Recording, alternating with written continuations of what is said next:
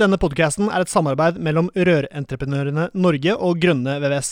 Felles for både Eli og meg er at vi brenner for rørbransjen, og vi ønsker å dytte bransjen i riktig retning. Men dette får vi selvfølgelig ikke til alene, vi trenger flere. Du kan bidra med å abonnere på podkasten, skrive en omtale i iTunes og dele denne med folk eh, du er glad i. Da setter vi i gang med ukens episode.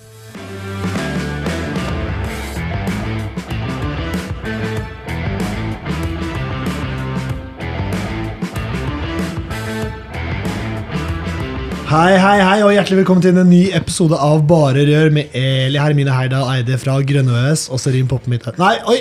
Er jeg fra Har Grønne du blitt ansatt? Har jeg begynt å jobbe hos deg? Fy fader. Det visste jeg ikke. Før vi startet akkurat nå, så tenkte jeg shit, skal vi, ha, skal vi fortsette med denne introen? For det, vi, vi har tatt den så mange ganger Ja, nå. og så plutselig har jeg begynt å jobbe hos deg. Ja, men eh, Har du begynt å jobbe i Rør-Norge?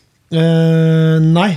Uh, det har jeg ikke. Det har du ikke. Nei, men da tror jeg du Velkommen skal du være til Grønne Tusen takk. Ja. Eh, ok, De fleste vet hvor vi jobber hen. Ja. Um, det de fleste hører, er at stemmen min er helt ute å kjøre i dag. Hvorfor det, Severin? Eh, nei, det kan du lure på. Det har vært uh, på ski. Og ikke bare på ski, men på litt uh, Hva gjør man etter man har vært på ski? Ja, Det høres ut som du har gått naken rundt. Ja, Da går man på afterski, da. Ja, ok Og da. der var det alle tiders. Så jeg har vært på fjellet, afterski, tre-fire dager på rad. Og da ender man med en liten stemme som dette. Ja. Dette er min feil. Hadde det vært noen andres feil, så kan det ha vært en reklamasjon. Mhm. Og det er jo søren meg dagens eh, tema. Ja, For det kan jo fort bli en mangel hvis du ikke hadde hatt stemme. Ja, det hadde vært eh, Uh, ikke bra i det hele tatt. Nei, det er ikke lett. Men uh, du har jo som alltid eller dratt inn en øh, jækla god gjest som yeah. skal fortelle og veilede oss litt sånn gjennom reklamasjonsprosessen. Hvordan Mhm. jeg, for eksempel, hvis jeg havner Altså Hvis jeg får en lek lekkasje eller et eller annet, et eller annet en reklamasjonsgreier, da. mm. hvordan jeg skal håndtere den på best mulig måte. Eh, og med oss i dag så har vi Aksel. Og Aksel, kan ikke du bare si etternavnet ditt eh, selv? Så Jo. Stumf. Stumf heter jeg. Mm. STUMP. Ja. Men først og alt så må jeg jo si bare takk for den veldig fine introduksjonen og den overgangen Ja, til dagens den tema. Det må jeg jo si. Ja, det er viktig å, viktig å få noen gode overganger. Men, øh, men Aksel, hvilke Du jobber hos øh, Help? Jeg jobber hos Help, eh, ikke i Grønn VVS ennå eller Rør-Norge. Men åh, jeg jobber i. Help som advokat, eh, og har gjort det i seks-syv år. Mm. Eh, Hvor vi da har en samarbeidsavtale med Rør-Norge, eh, hvor vi bistår spesielt da, rørleggere i, i Norge. Mm. Ja, Så du er noe så sjelden sånn som Trond er, en rørleggeradvokat, pleier jeg å kalle dere. Helt riktig, det stemmer. Så du har liksom litt rødbransjen innunder huden. Det er ikke alle advokater som har. Nei, så eh, Det er jo en kundegruppe jeg liker veldig godt å jobbe med. Men så tror jeg også det er lurt at man er spesialisert på de både eh, bransjeområdene man jobber opp mot, men også selvsagt på det rettslige. Mm. Ja, for Severin, en rørlegger er ikke en rørlegger. Tenker du sånn, Er alle rørleggere like? Kan alle rørleggere det samme? Uh, nei, de burde jo ikke kunne det samme. Det er verre når du er spesialisert på et uh For sånn er det jo med advokater. Da. det er liksom mange som tenker at en advokat er en advokat. Men eh, Trond og jeg har snakka mye om det, eh, og det er i hvert fall helt sikkert har jeg skjønt, at en advokat er ikke en advokat. Derfor så er det litt sånn ekstra stas å ha disse som har liksom gravd seg ordentlig ned i, I våre medlemmers eh, Nei, men de utfordringene rørleggerbedrifter får. da. ja, mm. Og nettopp det der med reklamasjon, jeg regner med at det er jo stadig vekk en kilde til at dere får saker i fanget på vegne av våre medlemsbedrifter, er det ikke det, Aksel? Jo, det stemmer. Det er nok en av de hyppigste årsakene til at eh, vi blir kontaktet av eh, rørleggerbedrifter. Så det vi ser, er at det er noen ting man kan kanskje eh, forbedre litt i, i prosessen når man mottar en reklamasjon. Og det er vel en av de tingene vi tenker å gå gjennom i dag. Eh, eh, dagens podkast.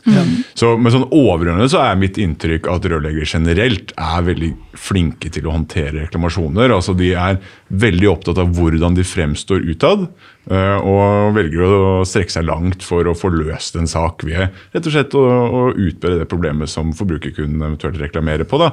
Uh, Litt sånn uavhengig og løsrevet fra, fra jussens verden. Ja, for hvis man er altfor serviceinnstilt, Aksel, Aksel, hva kan skje da? Ja, det innebærer jo også noen fallgruver, eh, selvsagt. Det, er jo, det ene er jo det er et kommersielt perspektiv, som eh, jeg tenker også er ganske viktig å, å ha med seg. eh, Spesielt når det kommer til sånn mindre, mindre reklamasjoner. Men tar man først på seg et ansvar, så har det litt større virkninger enn bare akkurat den problemstillingen som du står oppe i da. Eh, Det vil også ha noe å si for hvor lang tid i fremtiden du er ansvarlig for det problemet som du utbedrer. Så øh, Det er nok en av de tingene man kan bli litt flinkere på. det er Hvis man har vært øh, hos en forbruker da, etter at man har fått en reklamasjon, at man redegjør i ettertid for den jobben man har gjort. Om det var da av kommersielle grunner for å være snill, eller om man faktisk mente at det var en ansvarserkjennelse. Og så påpeke hva som eventuelt er blitt utbedret. da. Ja. Ja, for når du sier ta på seg ansvar, så er det sånn at hvis Severin da har gjort en jobb, og så finner denne kunden ut at det som er levert, ikke er helt sånn som forventet. Kunden kan mene i hvert fall at det er en mangel. Og det kan være en mangel, eller det kan ikke være en mangel, men et eller annet er feil. Mm. I det øyeblikket han da går inn for å prøve å reparere eller fikse opp i det her, så har han på en måte erkjent at det er en mangel. Er det sånn det funker? Ikke umiddelbart, Nei. men det vil gjerne være det etterlatte inntrykket. For det ville jo du som kunde kanskje tenkt. At eh, nå har jo Severin kommet her og fiksa opp i det, og da, han hadde vel ikke gjort det hvis det ikke var noe feil? Mm. Helt riktig, så det er nok det inntrykket som kunden vil sitte igjen med. Men også hvis det er en tredjepart som kommer inn og vurderer saken. Da, hvis man skulle vært så uheldig at man ender opp i, i rettsvesenet, så ville nok en dommer fort også tenkt det, hvis man ikke hadde sendt en eh, SMS eller e-post i etterkant hvor man klargjorde hva, hva som var bakgrunnen for den jobben man gjorde, og hvorfor man gjorde det. Men hvis Severin får en kunde da, Mm. som kontakter han, hva råder du han til å gjøre da? Ja, jeg råder nok uh, først og fremst at man uh, drar ut på befaring for å få det fulle bildet på selve reklamasjonen. Det er nok lurt både av kommersielle grunner, men også av det rettslige. For det er ikke alltid en forbruker som ikke er, er rørlegger, klarer helt å beskrive det som er problemstillingen på telefon. Så at man drar på befaring er nok veldig lurt uansett. Um, så det er det første jeg tenker at er lurt i etterkant av den befaringen, hvis man ser at dette er faktisk en feil med konsekvens for kunden, så bør man nok vurdere om man skal utbedre eller ikke. Ehm, det er jo denne da, mangelsvurderingen som du nevnte, Eli, at Den kan noen ganger være litt rettslig vanskelig, men i forbrukersammenhenger, hvis det er noe som du har levert som ikke fungerer, så er du stort sett ansvarlig etter denne loven som regulerer deg, håndverkertjenesteloven. Så øh, det betyr Generelt, ser man noe som ikke fungerer, bør man gjennomføre en utbedring. Men den bør etterfølges av en dokumentasjon. Man bør dokumentere selve jobben man gjør, og man bør redegjøre for det skriftlig. Det bør man. I motsatt fall, hvis man ser at dette ikke var noe øh, står i utfordring, eller man mener at det kanskje var Si at det var en varmepumpesak, det er en varmepumpe som du har levert, som ikke gir full effekt. eh, Og så kommer du på befaring og ser at nei, dette gjelder jo egentlig en sånn elektrisk innstilling som en elektriker skal se på. Det ja, var ikke dekket av min leveranse.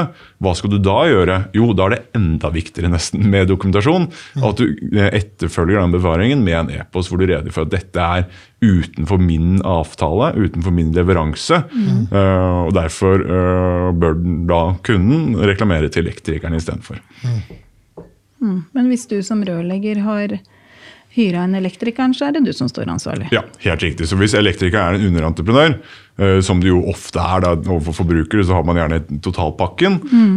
da er det du som rørlegger som også må ta ansvar for din underentreprenørsjobb, altså typisk elektriker i dette tilfellet. Da. Mm. og da er det en annen ting som kommer opp, det er at du da kobler inn denne elektrikeren. Er det noe feil ved hans eller hennes utførelse, så øh, er det jo ingen grunn for at du skal måtte bære et større ansvar enn den som faktisk er, har forårsaket feilen. Så er det viktig at du viderefører den reklamasjonen. Eh, og det må du gjøre innenfor de samme frister som gjelder overfor forbruker. Da. Eh, med, en, med ett unntak som er litt uheldig. Eh, kjøper du inn en del, et produkt f.eks., så er ikke reklamasjonsfristen fem år mellom proffe. Da er den bare to. Uh, så det er en ting som er viktig å tenke på. Uh, der bør man, hvis man uh, har litt Hva skal man si litt kjøpsmakt og kan forhandle med leverandørene, stemmer. så bør man gjøre det.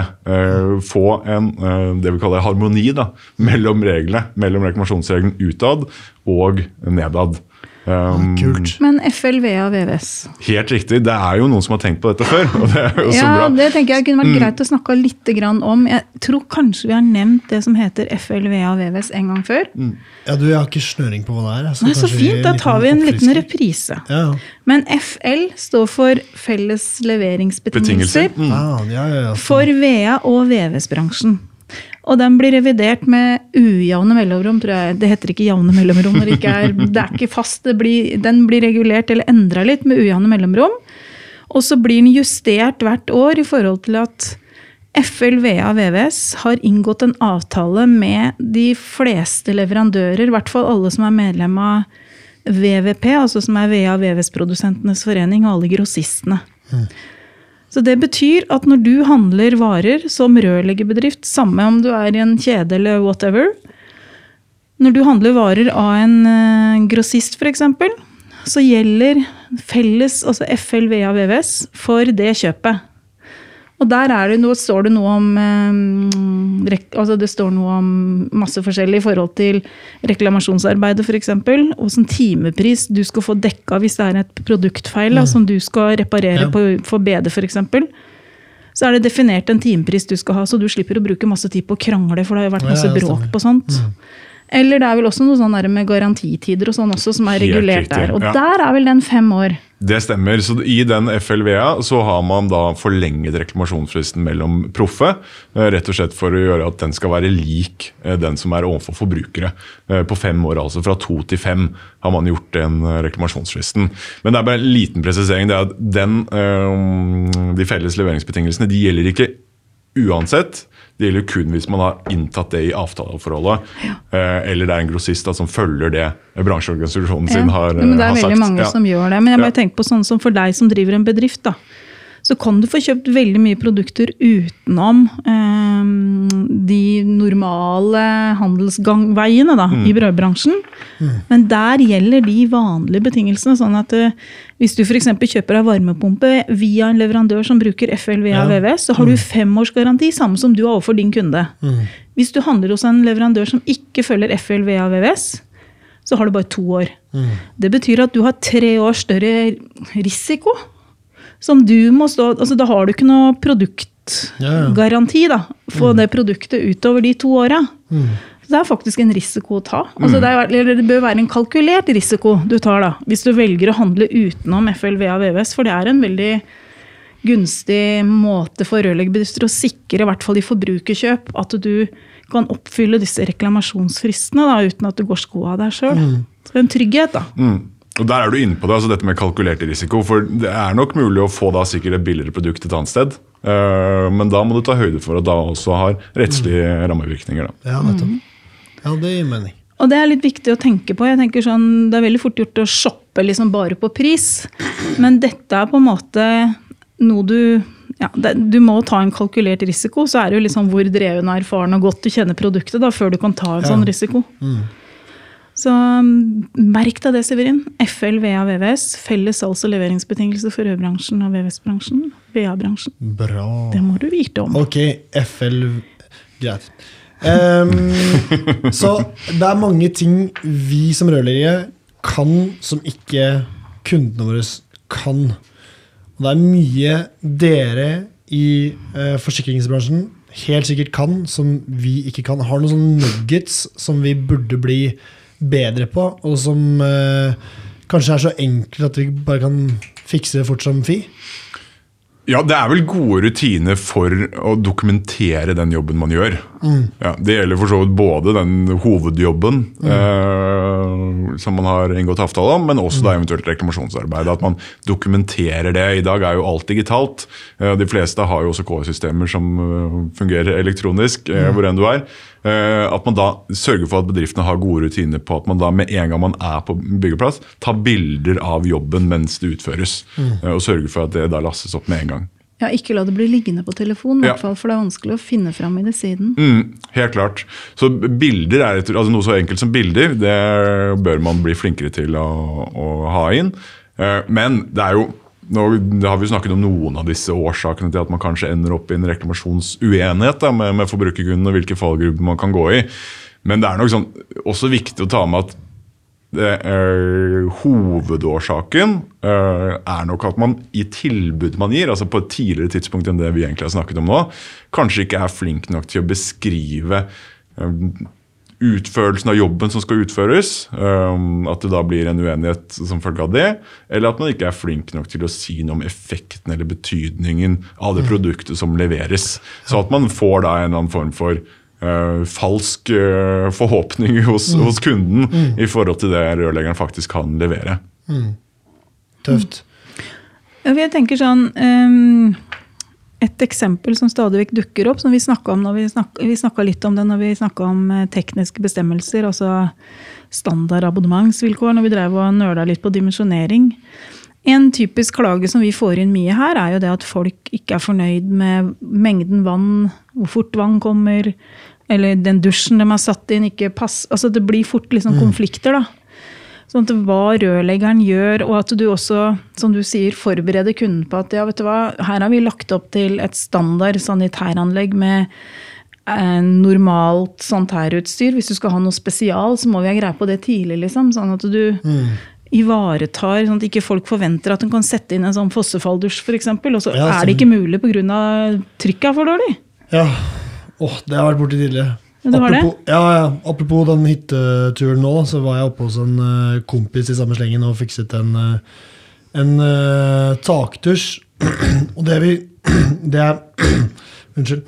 Det, um, det, vi så da da vi startet å demontere dusjen, eller før vi begynte å demontere dusjen, men det var at det var utrolig dårlig trøkk i dusjen.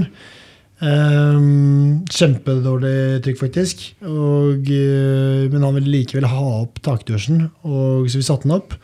Og det ble jo det, var, det, ble nesten ikke våt i, i håret når vi, vi, fikk den opp. Og uh, det ble jo bare rot. Så det var gøy å faktisk, uh, å faktisk prøve det når du først visste at det kom til å gå ræva.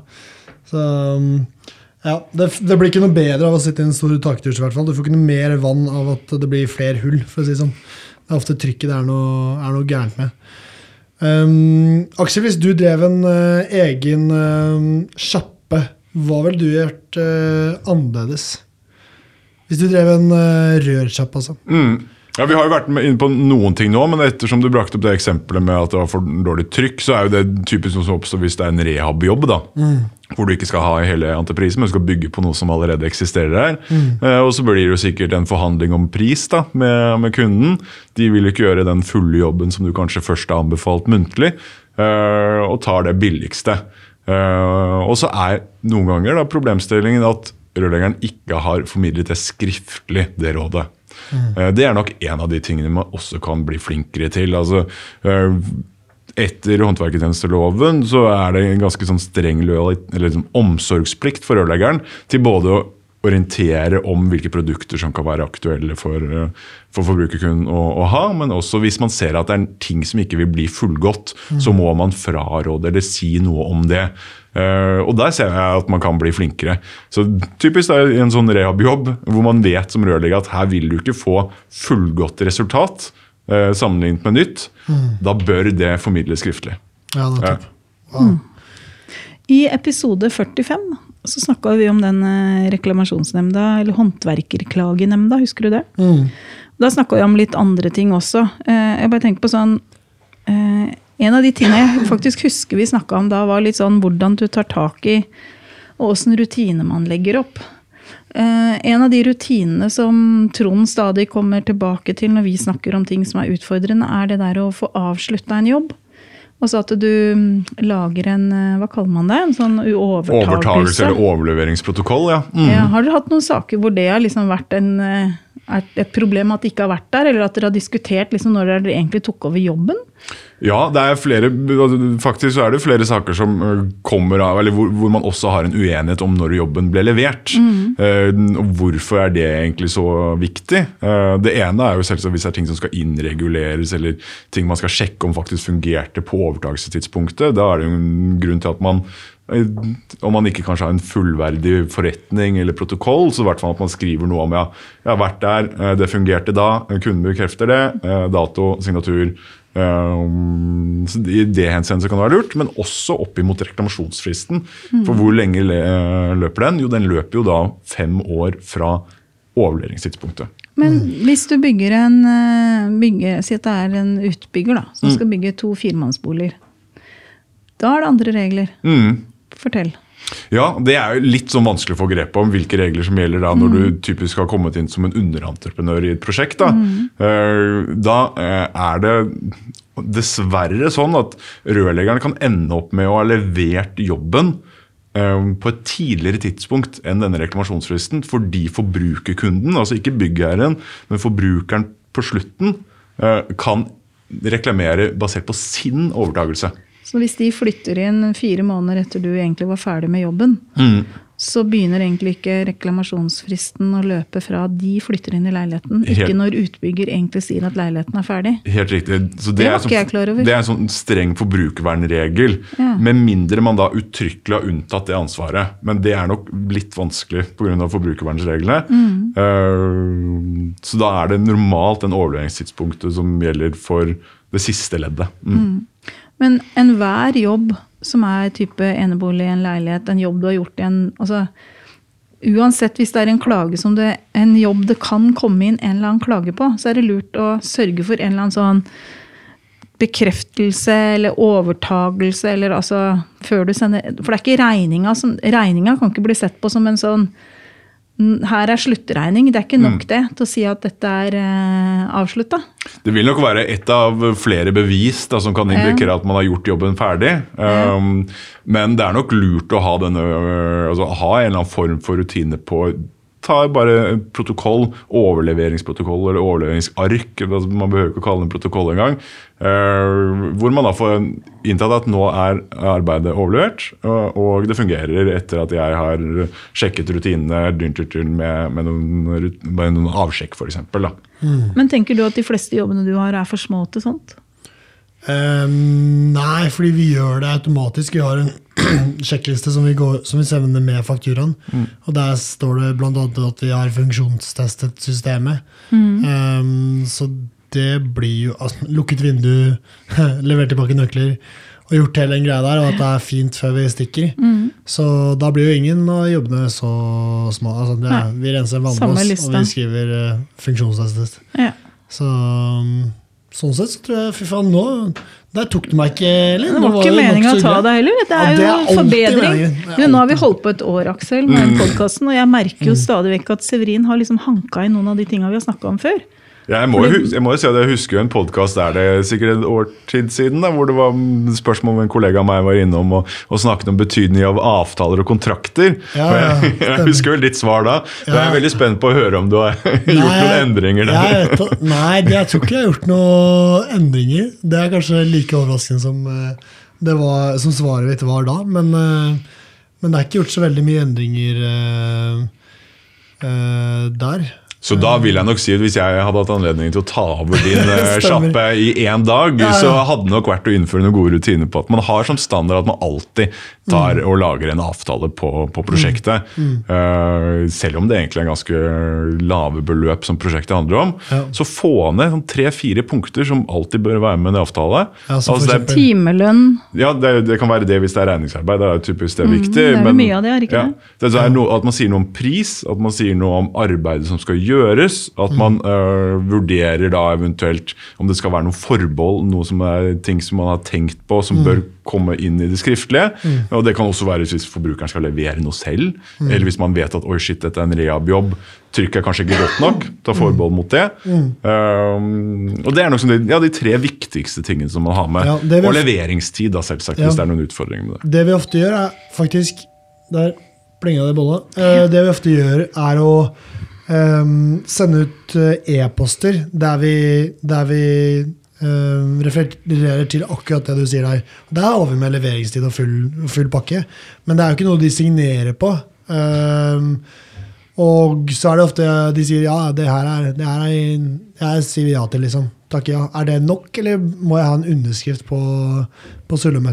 Ja, Det er et godt spørsmål. Altså, generelt så gjelder det ingen sånn formelle krav til hvordan en avtale inngås. Så det er tilstrekkelig at uh, kunden da svarer ja på en e-post som du sender. Så det er, det er helt uh, innenfor. Men jeg tipper jo her kanskje, hvis forbrukerkunden hadde tenkt seg litt om, så har dere allerede egentlig inngått en avtale på alminnelige vilkår. Eh, hvis de allerede har takket ja til ditt tilbud, Ja. eh, så er dette egentlig en justering rent rettslig av avtalen. Ja. Så da kan man ende opp med å ha en kunde som sier nei da, til de vilkårene som er viktige for din bedrift. Ja. Um, så derfor bør nok de betingelsene følge med allerede i tilbudet.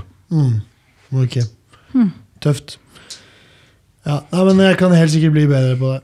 Jeg gleder meg til å Det er gøy å høre når man får sånne tilbakemeldinger som ting jeg kan bli bedre på. Og det er noen ting. Jeg har så høye tanker om meg selv, så jeg finner jo aldri feil. Men når folk sier det, så er det bare å trekke det til seg som en svamp. Vet du hva noen som har sagt til meg, Severin?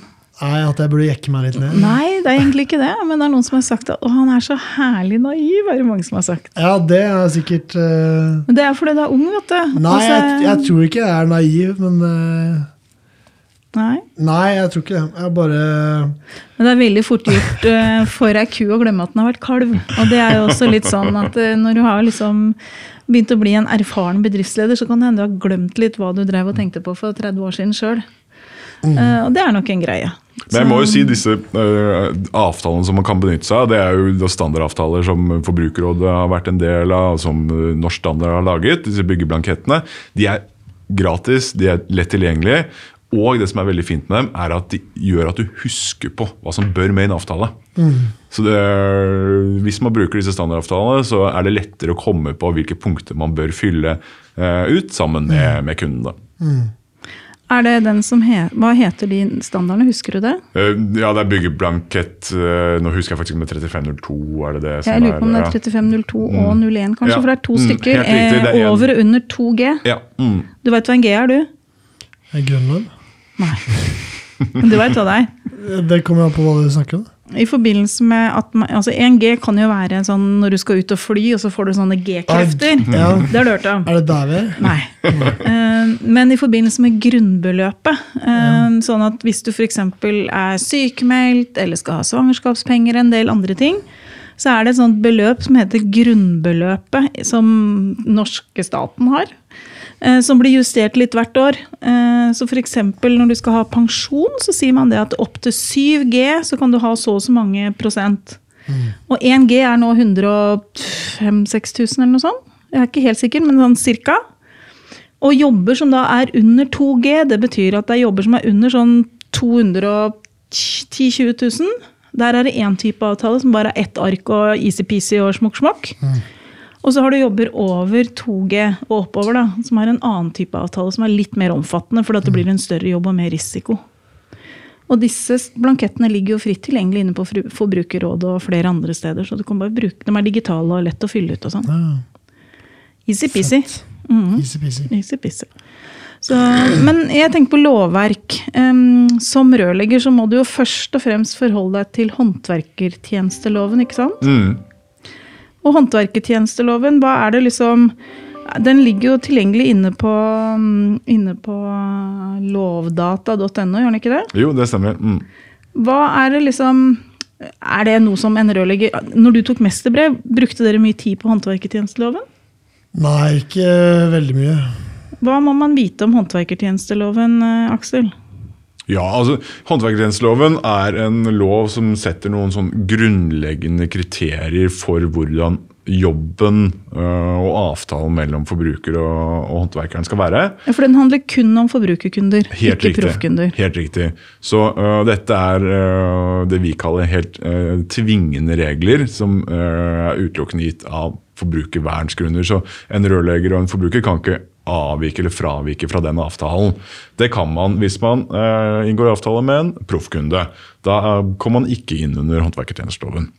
Her står det jo også eh, det der med mangler er jo om, om, også omtalt her. Og i paragraf 17 så står det når det foreligger mangel. Mangel foreligger dersom tjenesten ikke fører til det resultat forbrukeren i samsvar med så er det noe paragraf 5 og 6 og 9 da, har rett til å kreve eller som ellers er avtalt.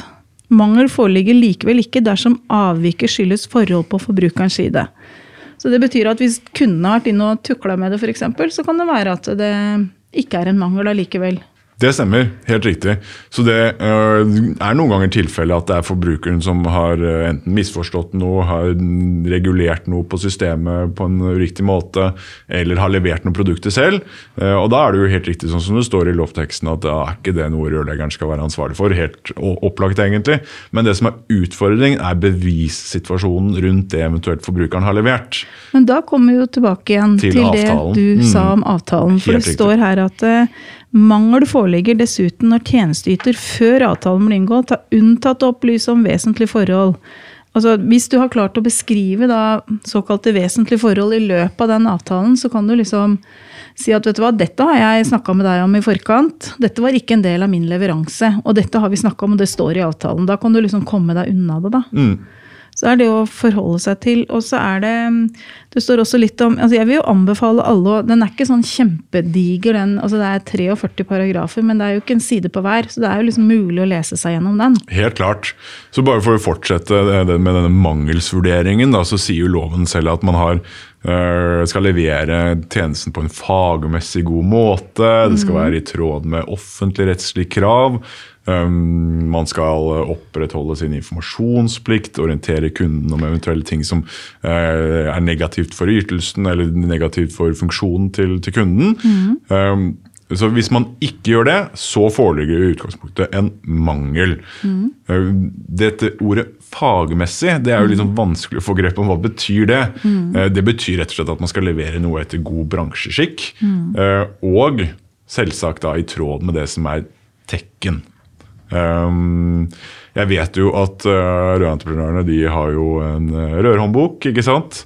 Uh, som ikke bare etterlever tekken, men Det er en bransjenorm. er en bransjenorm. Så hvis man etterlever den, så er man godt innenfor det som er lovens uh, minstekrav. Mm. Så det er jo et sånn stående, stående råd generelt at man gjør det. Mm. Hvis man ikke gjør det, så bør man ha en eller annen god grunn for det, kanskje. Uh, og bør muligens beskrives også i, i tilbudet.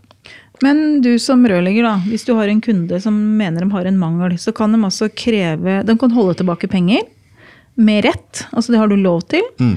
Ehm, Du kan få kreve å få mangelen retta. Men det er vel også sånn at du som rørleggerbedrift kan kreve å få lov å rette opp. For det er jo ikke sånn at den kunden kan bare ringe en annen rørlegger og si at du, han der Severin har gjort, det er helt ræva, kan ikke du komme og fikse det, liksom? Det har man vel heller ikke lov til som forbruker, har man det? Helt riktig, det stemmer. Så det er en viktig rettighet for rørleggerne igjen. Det er at man har en såkalt utbedringsrett. Så hvis det oppdages en mangel som det reklameres over, så skal du som rørlegger ha fått en anledning til å utbedre det. Det er kun i sånne særtilfeller at man ikke har den retten. Det er typisk akutte situasjoner. da. Mm. Eller hvor Diger vannlekkasje eller ja, eller hvor, hvor forholdet mellom partene har surnet helt av uh, saklige, saklige grunner. Eh, men generelt så har man en klar utbedringsrett. Så uh, den er ganske viktig å benytte seg av. Fordi man vet settes jobben ut, så blir det mye dyrere. Og du må jo betale for rettinga. Ja, helt riktig. Så det kan bli dyrt. Så det er jo også en sånn, øh, hva skal man si, et, et råd som øh, jeg ofte gir mine kunder. Det er at hvis det er litt bevistvil i saken, fordi man typisk ikke har klart å dokumentere godt nok underveis, så bør man nok strekke seg litt lenger i å gjennomføre en egen utbedring enn å måtte leve med den risikoen for at forbrukeren da vinner og krever erstatning for at en annen har gjort jobben. Det blir alltid mye dyrere, og det er vanskeligere for den nye rørleggeren å basere seg på det jobben som du har gjort. Så det er sikkert noe som blir gjort dobbelt der også. Det er, det er ofte dyrere å reparere noe enn å gjøre det. Det er nettopp det. ja. Men du kan jo også kreve et prisavslag som forbruker. Ja. eh, Eller du kan heve kjøpet. Mm. Og du kan kreve erstatning. Det er mange rettigheter man har som forbruker overfor en rørleggerbedrift. Har du vært ute i noen sånne saker som du har måttet krangle på sånt, Severin? Er det liksom, er det, for jeg, de jeg snakker med som driver med det, syns i hvert fall at dette er veldig tidkrevende øvelser. da. Ja, nei Nei, ikke egentlig. Så bra. For det er jo på en måte mm, altså Den reklamasjonsfristen på- til kunden Det er jo også noen regler for Hvis kunden reklamerer på noe overfor deg, da, så er det noen frister de må ha opplyst inn. Det er noen sånne tidspunkter for dem også, er det ikke det? Du kan ikke komme liksom så lenge etterpå og si at du, det var noe feil, og det har jeg visst om i fire år, så nå gjør jeg Altså, Helt riktig. Altså vi, vi jurister deler opp reklamasjonsreglene i to. egentlig. Altså En som er en sånn absolutt frist. Det er fem år fra leveringstidspunktet. Og så må du også reklamere innen rimelig tid etter at man oppdaget eller burde oppdaget noe. Eh, så Det betyr at det er to frister. Én fra det tidspunktet man avdekket at det var en feil, eller burde avdekket det. Og en sånn maksfrist for hvor lenge en rørlegger er ansvarlig for den jobben som er gjort. Mm. Så Det er øh, reklamasjonsregelen som forbrukeren må etterleve. Gjør han ikke det, så mister han øh, utgangspunktet kravet, selv om man skulle være ansvarlig. Så hvis du som rørlegger da har gjort en reklamasjonsutbedring mm. innenfor reklamasjonsfristen, setter det i gang en ny reklamasjonstid? Altså Hvis Severin fikser en jobb da, som øh, det er to år siden han gjorde, og så oppdager kunden at det er noe feil, og så innser Severin at å shit, her var det noe feil, her må jeg fikse det, liksom. Setter det i gang en ny sånn femårs reklamasjonsfrist f.eks.? Ja, Det er et godt spørsmål. Eh, det enkle svaret på det er nok at det gjør det nok ikke. Eh, Nei. Sånn at Det løper ikke en ny reklamasjonsperiode på fem år fra man har utbedret noe. Men eh, så Det betyr i praksis at du får ikke noe større reklamasjonsansvar for selve jobben som er utført. Men den utbedringen som man har gjort, den kan jo vise seg ikke være tilfredsstillende. Mm. Og hvis den ikke er tilfredsstillende, så er man som rørlegger ansvarlig utover, altså ansvarlig også utover de første fem årene. Mm. Så det skjer jo typisk da, etter fire, kanskje fire år, fire og et halvt år, så kommer reklamasjon, man utbedrer, og så viser seg et år etter samme problem er tilbake. Mm. Da er nok det et ansvar som rørleggeren må ta på seg, fordi man har da gjort en reklamasjonsutbedring som ikke har vist seg å være tilfredsstillende. Mm. Ganske mye å passe på, men jeg syns det står veldig godt beskrevet i lov om håndverkstjenester. Mm. Ja, Det er jo bra at du synes. Det er jo ja, egentlig en lov som er tilpasset jurister, dessverre. Jo, det er jo lagd for jurister, men, ja, mm. men, men jeg tenker sånn, hvis du tar deg bryet med å lese gjennom, så kan det hende også du får litt sånn Det er jo viktig at de som er ansatt i en bedrift, også forstår konsekvensen. For det kan jo hende at du er en veldig serviceinnstilt rørlegger i et større firma, og så mm. liksom, kan du komme i skade for å ta på deg reklamasjonsansvar for bedriften fordi at du ikke helt skjønner rekkevidden av at du går inn og skal fikse noe og være grei for en kunde. da. Helt klart. Og nå litt, har vi vært gjennom eh, ett fristsystemregel, det er reklamasjonsreglene. Mm. Men det er også et annet system uh, som heter foreldelsesregler. Mm. Som uh, for så vidt både rørleggeren må kjenne til, men også forbrukeren. Uh, det betyr rett og slett hvis man har et krav, så må man vise en eller annen form for aktivitet. Man må gå rett og slett til forliksrådet eller ta ut stevning for tingretten for å avbryte denne uh, foreldelsesfristen. Mm. Og det må man gjøre innen tre år etter overlevering. Så er det noen ganger det kommer noen skjulte feil som man oppdager først senere. Da har man en tilleggsfrist på ett år. Mm -hmm. Så det er to regelsett som krever at man er aktive. Det er både reklamasjonsregelen og foreldelsesregelen. Og det er sammenhengen mellom de to som jeg tror nok at uh, de færreste av rørleggerne kjenner til. Um, og heller ikke forbrukerkundene. Nei. Så det er typisk et sted hvor jeg ser at man Det, det kan man nok argumentere litt oftere for mm. uh, i, i, disse sakene her. Men sånne kunder sånn som deg, da, som er advokater, og sånn, er jo liksom de verste kundene. For dere veit jo rettighetene deres. Og det er klart Hvis du kommer der som en uh, rørlegger som kanskje ikke har satt deg inn i alle disse reglene, da, og så møter du da en kunde som kjenner rettighetene sine, så er det jo veldig fort gjort at det kan bli en uh, dårlig erfaring for deg som driver en bedrift. I hvert fall. Og folk er jo i stand til å lese nå. Altså, vi ser jo det at Kundene er veldig flinke til å lese seg opp på rettighetene sine. Og det ligger jo tilgjengelig alt på nett. Mm. Så hvis kunden din er i stand til å lese håndverkstjenesteloven, så er det veldig dumt å ikke ha gjort det sjøl, tenker jeg. Ja. Det er det helt klart. Og uh, i uh, saker hvor man har blitt litt usikker, man har gjort uh, den undersøkelsen som du refererer til, da bør man nok ta kontakt med juridisk rådgiver, altså en advokat, da, mm. hvis det er en litt større, større sak. Og gjerne jo før, jo bedre. Så de som har advokatforsikring i Help, de må kunne nøle med å ta kontakt. i en det er det jeg tenker at jeg tror mm. mange kanskje ikke tenker over altså En ting er at du kan ringe til Trond her hos oss, eller maile til Trond i Rør-Norge, for at han er liksom førstelinja vår på juss. Eh, og kjenner på en måte mange sånne typiske rørleggersaker veldig godt og har god råd der. Men sånn som hvis du har den Help-forsikringen, så kan du jo bruke dere til å f.eks. gå gjennom alle kontrakter og kanskje få noen råd da, underveis i sånne prosesser, enten det er store eller små prosjekter? Helt klart. Så jeg må jo si jeg, øh, for min del som advokat så er det jo alltid gøy å kunne prosedere en sak i, i retten og argumentere for, for en sak. Men eh, jeg vet jo når jeg har samarbeidet såpass lenge med rørleggere, at det beste er jo å kunne unngå de fristene. Mm. og da gjelder det å ta kontakt jo før jo eh, enn senere. Og da er det typisk ta en kontraktsgjennomgang, da. Er du på et prosjekt? ta kontakt med oss og få oss til å lese gjennom, så kan vi se på om det er noen ting som man må tenke ekstra over. Noen fallgruver. Er det kanskje nå plutselig du har begynt å bruke en standardkontrakt som du ikke er kjent med før? Mm. Ta kontakt, så kan vi se på det sammen og, og gi, uh, gi, deg noen gode råd. Mm. Ja, Prosessrisiko var et ord jeg lærte ganske tidlig første gang jeg hadde en konflikt i forbindelse med boligkjøp.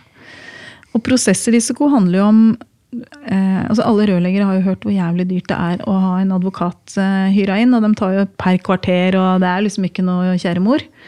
Men det betyr at hvis du har forsikring hos dere, så, og hele via oss, da, så får du ti timer gratis, eller inkludert i avtalen med rådgivningstimer med dere. Mm, det er helt riktig. Så du har ikke noe risiko om å ringe til en advokat? da? Ikke noe risiko, det er allerede betalt. Mm. Det er fordel med, med forsikring. Um, og i tillegg så har du tilgang på to tvister. så Hvis du skulle ende opp i, i en tvist i løpet av året, så har du tilgang på dekning, advokatdekning i to sånne saker.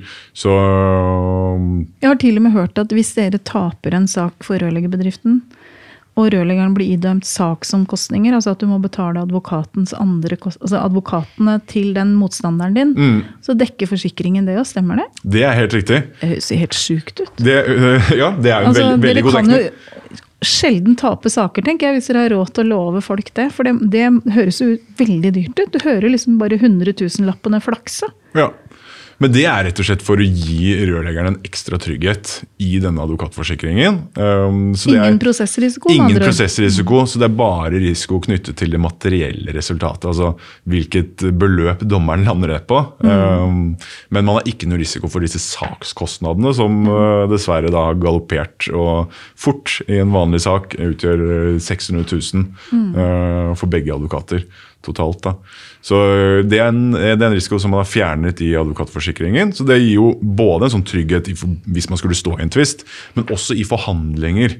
Så ser vi at det er veldig viktig. Sånn, ja, for du trenger pre. ikke gå rundt og være redd for at åh oh shit, nei, jeg orker ikke han bruker han, han koster jo 4000 kroner timen, jeg orker ikke. liksom. Det trenger du ikke å tenke på. Nei, nei, du behøver bare tenke på at du skal få best mulig resultat i den saken. Mm. Hmm. Så det er en uh, kjempestor, uh, kjempestor fordel. Mm. Ble du skremt nå, Severin? Jeg var ikke skremt. Ikke av det. Ikke av den eh, punchlinen der. Det er vanskelig å bli skremt av det. Hvis man har det i bakhånd, så burde man det er jo meningen at, ja, Tanken er jo det. At du skal kunne mm. føle deg trygg når du går inn i disse prosessene. Men det er klart det krever at du veit om eh, risikoen da, og forstår. For det er inntrykket av at mange ikke helt skjønner risikoen med det å ikke klare å forholde seg til det lovverket. Mm. Eh, møter du rett til kunden, så er det ganske stor risiko. Det er det, helt, eh, helt, klart. Så ta kontakt. Det er liksom det beste, beste rådet. Mm. Uh, I tillegg til disse andre tingene som vi har gått gjennom på reklamasjon. altså Det er avtale, det er dokumentere både jobb, men også reklamasjonsarbeid. Mm. Og ha en tanke om hva er konsekvensen hvis du gjør denne uh, reklamasjonsjobben. Mm. Hva er konsekvensen da senere? Ja. Um, vi snakket jo litt om dette med reklamasjon og foreldelsesproblematikk. Jeg vet jo Vi skulle egentlig ha inn en annen i, i studio her, en, en tidligere Help-klient. Mm. Um, som hadde en sak i, i tingretten hvor kollegaen meg førte den saken om en varmepumpe. ikke sant, Som reiste mm. noen, av disse, noen av disse spørsmålene. Mm. Så Hvis man kan trekke ut noe av den saken, det er jo nummer én det er at man ser det er veldig sterkt forbrukervern mm. i sakene um, hvor man inngår en avtale med forbruker. Det er alt en varmepumpe. så Spørsmålet om effekten var god nok. Så om du fikk spart inn nok strøm, rett og slett? Ja, helt riktig. ja. Mm. Uh, og da legger dommeren bare helt uten videre til grunn at uh, ettersom da Enova hadde sagt at her har du ikke fått uh, den energisparingen som du egentlig skulle, så utgjorde det en mangel ved tjenesten. Mm. Så der legger dommeren sånn uten videre til grunn. Og det er til ettertanke for oss uh, rådgivere og for, for, rørleggere. det er at Man må tenke på den beskrivelsen av effekten til varmepumpen. Mm. Den må man tenke på. Men ikke også, ta i, liksom. Ikke, ikke overdriv. Ikke overdriv. ikke overskjell. Uh, nei, og uh, pass på at man da Eh, hvis man ikke får inn en sånn tvungen serviceavtale, så uh, sørger man for at man har noen gode rutiner for å vise at varmepumpen faktisk fungerer, eller det produktet man leverer faktisk fungerer når man overleverer den. For det var også en utfordring i den saken, at man uh, ikke nødvendigvis hadde det på plass. Men her Um, hadde vel faktisk rørleggerbedriften tilbydd kunden en serviceavtale, og så hadde kunden takka nei. Helt riktig. Heldigvis for rørleggeren, Ja. egentlig. Ja, Eh, sånn i denne saken. Ja, så det kunne jo vært med på utvidet, uh, utvidet ansvaret. Mm. Um, men det man ser her, er jo også at man ser en uh, Det kunne også vært med å forhindre skaden, da. Altså Ja. at de hadde oppdaga det. Helt klart. Så det, det som var utfordringen her, nå skal jeg ikke snakke for andre, men når man leser dommen, da, så ser man at her har rørleggeren vært veldig flink til å dra ut på befaring, utbedre de tingene som man får øh, reklamasjoner på, men så følges det ikke helt opp fra forbrukeren. Det tar lang tid. Og det at det tok lang tid, var jo også det som da uh, var bestemmende for sluttresultatet. Så selv om det faktisk var sånn at retten mener at dette var en mangel, altså varmepumpen ga ikke den effekten som det skulle gjøre opprinnelig, helt til da uh, rørleggeren utbedret det, øhm, så øh, ble de frifunnet for erstatningskravet for de økte strømutgiftene fordi man ikke hadde reklamert for sent, men fordi kravet var foreldet. Altså Man hadde ikke tatt ut For forliksklage innen ett år etter at man burde avdekket mangel. Så um, det er en øh, fin sak egentlig å, å bruke som et eksempel på at man, uh, det er veldig bra at man er serviceinnstilt, men da må man huske på disse sluttfristreglene om reklamasjon og, og foreldelse. Ha tunga i rett munn, Mm. rett og slett. Oi. Ja, vi får prøve. Det er ikke så lett. Det var vanskelig i introen. Ja, Kanskje vi klarer det i outroen. det kan hende. Ja. Eh, Aksel, takk for eh, tre kvarter med, med lærdom. Og eh, takk for at du kom, selvfølgelig. Takk for at jeg ble invitert. Det har vært veldig hyggelig å være her. Ja, det er bra. Nå vet jeg ikke akkurat hvordan eh, når podden slippes, men eh, Det blir etter påske, i hvert fall. ja. Men Aksel, god påske.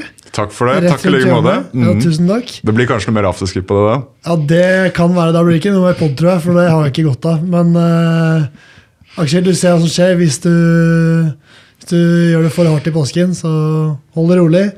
Eh, Eli, god påske til deg også. Takk. Og så prates vi senere, om en ukes tid. Det gjør vi. Nydelig. Takk, Aksel. Vi prates. Ha Det det. gjør vi. Ha det godt. Halla, hvis du likte denne podcasten, hadde vi satt utrolig stor pris på om du abonnerte og gir oss en tilbakemelding i avspilleren. Eh, spre gjerne ordet videre til andre i rørbransjen som brenner for rørleggerfaget og er opptatt av å drive en seriøs rørleggerbedrift. Mitt navn er Severin Poppe Midteide, og med meg har jeg co-host Eli Hermine Heidal Eide. Sammen er vi to podcasten Bare Rør med Eli og Poppe. Et samarbeid mellom Grønne VVS og Rørentreprenørene Norge.